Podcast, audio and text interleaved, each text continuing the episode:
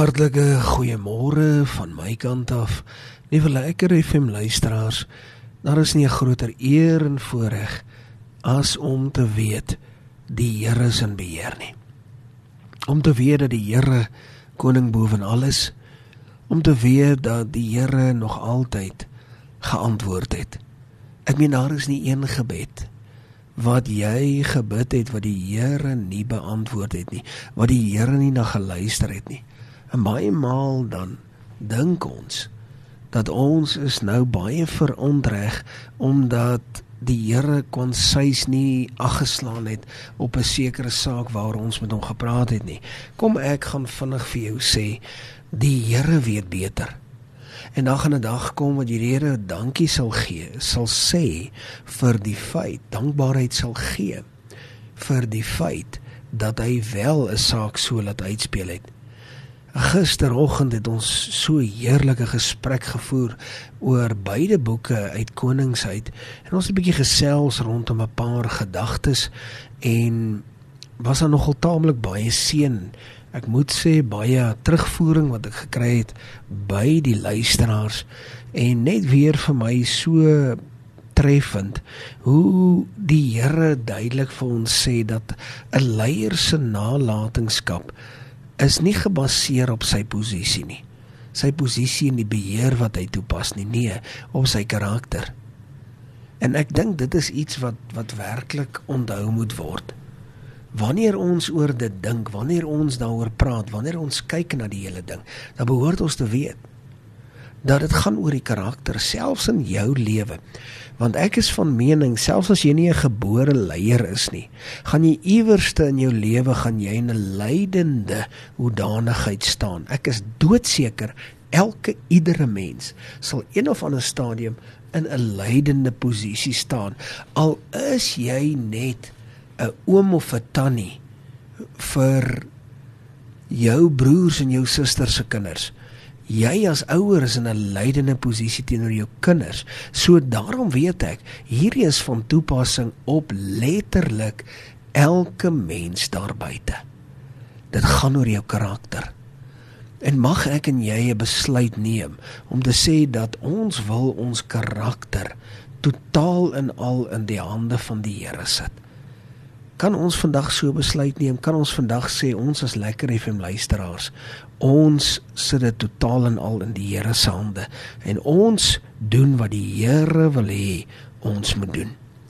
Ek wil graag vir ons 'n gebed doen en dan wil ek vandag net so 'n paar gedagtes wissel met elkeen van ons luisteraars vanmôre rondom die boek van die Filippense. Die brief wat die apostel Paulus aan die Filippyne geskryf het, is vir my ook 'n kosbare herinnering van die almag van die Here, die grootheid van sy naam, die almag van die koning wie ons dien. En as jy sien die strategie aan dit verbonde, dan besef jy net weer die Here het alles in sy hande.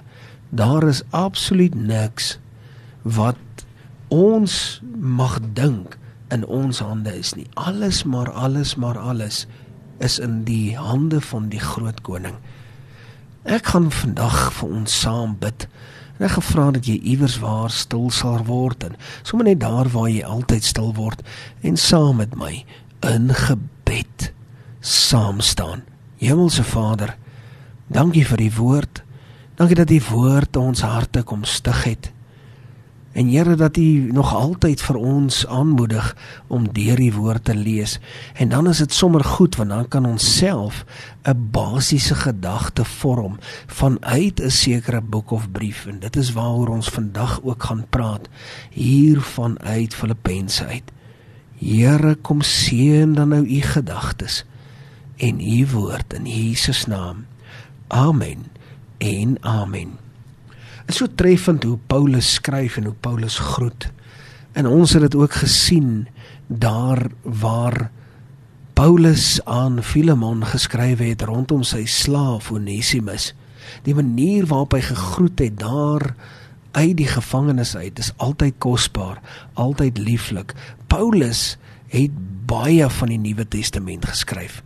Paulus het ontsettende aandeel aan ons as as mense wat die woord van die Here vat en dit lees, want hy het 'n geweldige groot gedeelte daarvan het hy geskrywe. En as ek kyk so na na Paulus se manier waarop hy hier die sake na vore bring, sien ek baie baie duidelik dat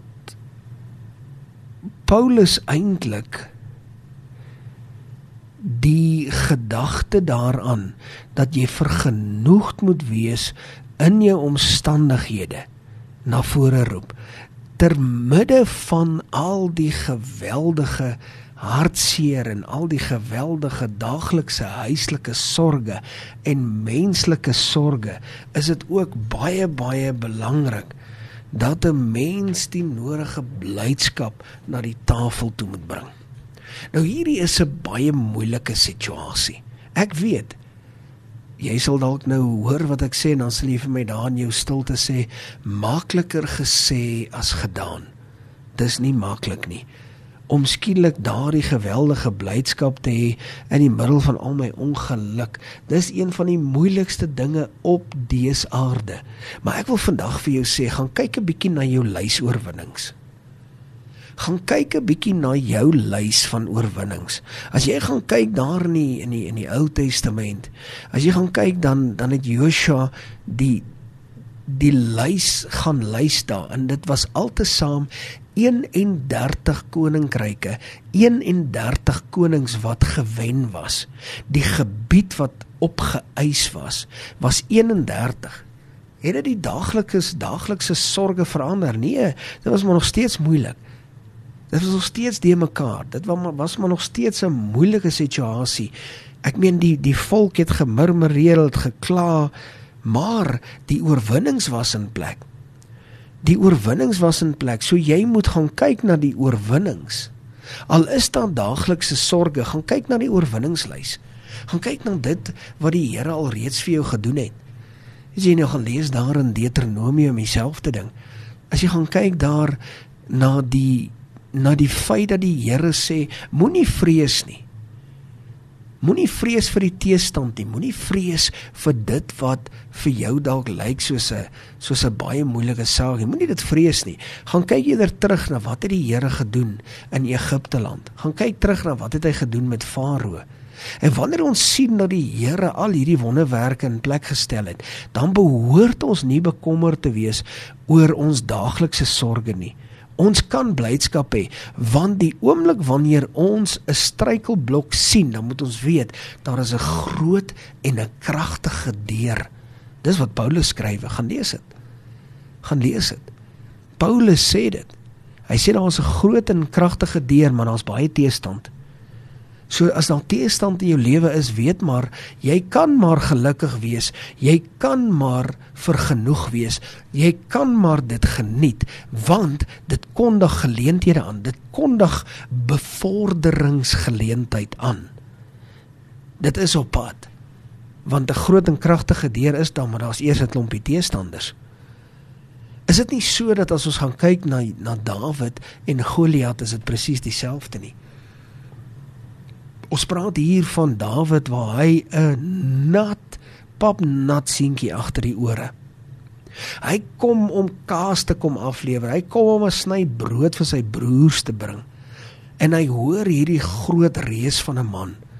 Ek meen ons ons moet weet dat net die punt van sy spies was so swaar soos 500 sikkel silwer. So swaar was net die punt van sy spies. Mien dink 'n bietjie hoe wat 'n abnormale mens moes dit wees. Hy was een militêre masjien om die waarheid te sê. Hy was 'n masjien gewees. Dawid sê, "Wie is dit daar wat ons God so bespot?" En jy sien wat het tussen Dawid en koningskap gestaan. Dawid kon ook daar staan en sê, "Daar is vir my 'n goddelike groot en kragtige deur." maar daar's 'n teestander. So voor ek by koningskap uitkom, moet ek eers Goliat platslaan. En daai Goliat partymal is nie maklik nie. Dis nie die heel maklikste situasie nie. So in die middel van ongeluk is daar ook daardie blydskap dat daar bevordering op pad is. Ek wil graag vir jou vandag sê, Jy weet, ons as gelowiges en en dit is ook wat ek hier uithaal, moet die lewe van die Here Jesus Christus van Nasaret. Ons moet ons moet die lewe lei soos hy dit gelei het. Ek bedoel ons moet regtig ek wil amper sê in sy voetspore volg. Die Here se se genade is so tasbaar, sy begenadiging en dit kan ons absoluut gaan lees in Filippense. Sy begenadiging is so tasbaar. Die Here se diensbaarheid teenoor ander was vir my een van die mooiste gedagtes is nog steeds een van die mooiste gedagtes en dit dryf my en is veronderstel om jou te dryf om presies dieselfde te doen. Dit is die genade van die Here. Dit is die almag van die Here. En jy weet as jy as jy gaan kyk na 'n onselfsugtige mens wees, dan wil ek vandag vir jou sê, as jy dit is, dan sal jy nie die heeltyd haken steek met met ander mense wat saam met jou in die een of ander situasie is nie. Dalk jou familie dalk jou jou werksplek. Maak saak waar nie.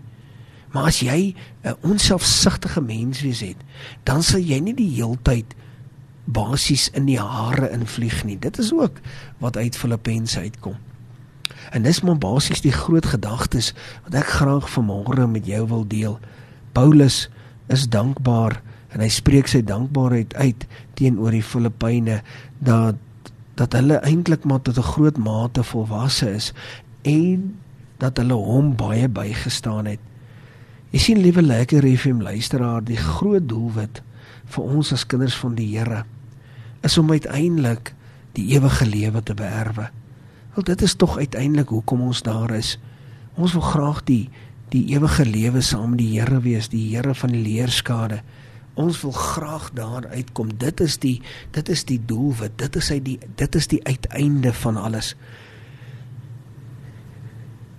En ek wil graag vir jou sê, liewe lekker FM vriend, as jy besluit vandag om jouself te onderwerp aan dit wat die Here duidelik vir ons sê, die modus operandi wat die Here hier van praat, dan is ek seker daarvan met my hele hart en my hele siel dat daardie prys ook vir jou beskore is. En ek glo dit met my hele hart en ek hou vas daaraan. Dis vir my net so belangrik. Maar laat ons dan die sake doen soos ons dit moet doen. Dis nie altyd maklik nie, dis nie altyd plesierig nie. Maar kom ons betaal die prys. Baie maal moet ons maar die prys betaal vir wat ons eintlik wil hê. En dit is hier van krag. Laat ons op presies dieselfde wyse na die saak kyk en laat ons die groot koning eer. Laat ons absoluut en heelhartig ons hande in sy hand plaas. Tot sover die woord van die Here. Kom ons sit net so. Dan sluit ons die oë, dan bid ons saam. Hemelse Vader, Dankie vir u woord. Dankie dat u woord ons harte vandag kommer nie. Ons staan op u woord en ons vertrou, Here, dat u met u genade na ons sal omsien.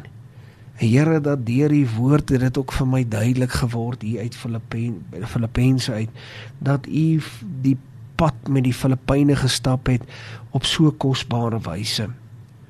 Here, my gebed is dat dat ons ook dit wat hulle reg en goed gedoen het, dat ons saam sal stap en dat ons ook daarop sal fokus, want wanneer ons dit doen, dan is dit asof die ywer wat ons vir die Here het, dood eenvoudig in 'n nuwe plek in beweeg. Here, dankie vir die ywer. Dankie dat ons ywer kan hê vir u werk. Dankie dat ons ywer vir u saak kan hê. En Here, hierdie sake bid ons nie omdat ons dit iewers te waar verdien nie, maar alleenlik vanuit U groot en ewige genade in Jesus naam. Amen. En amen.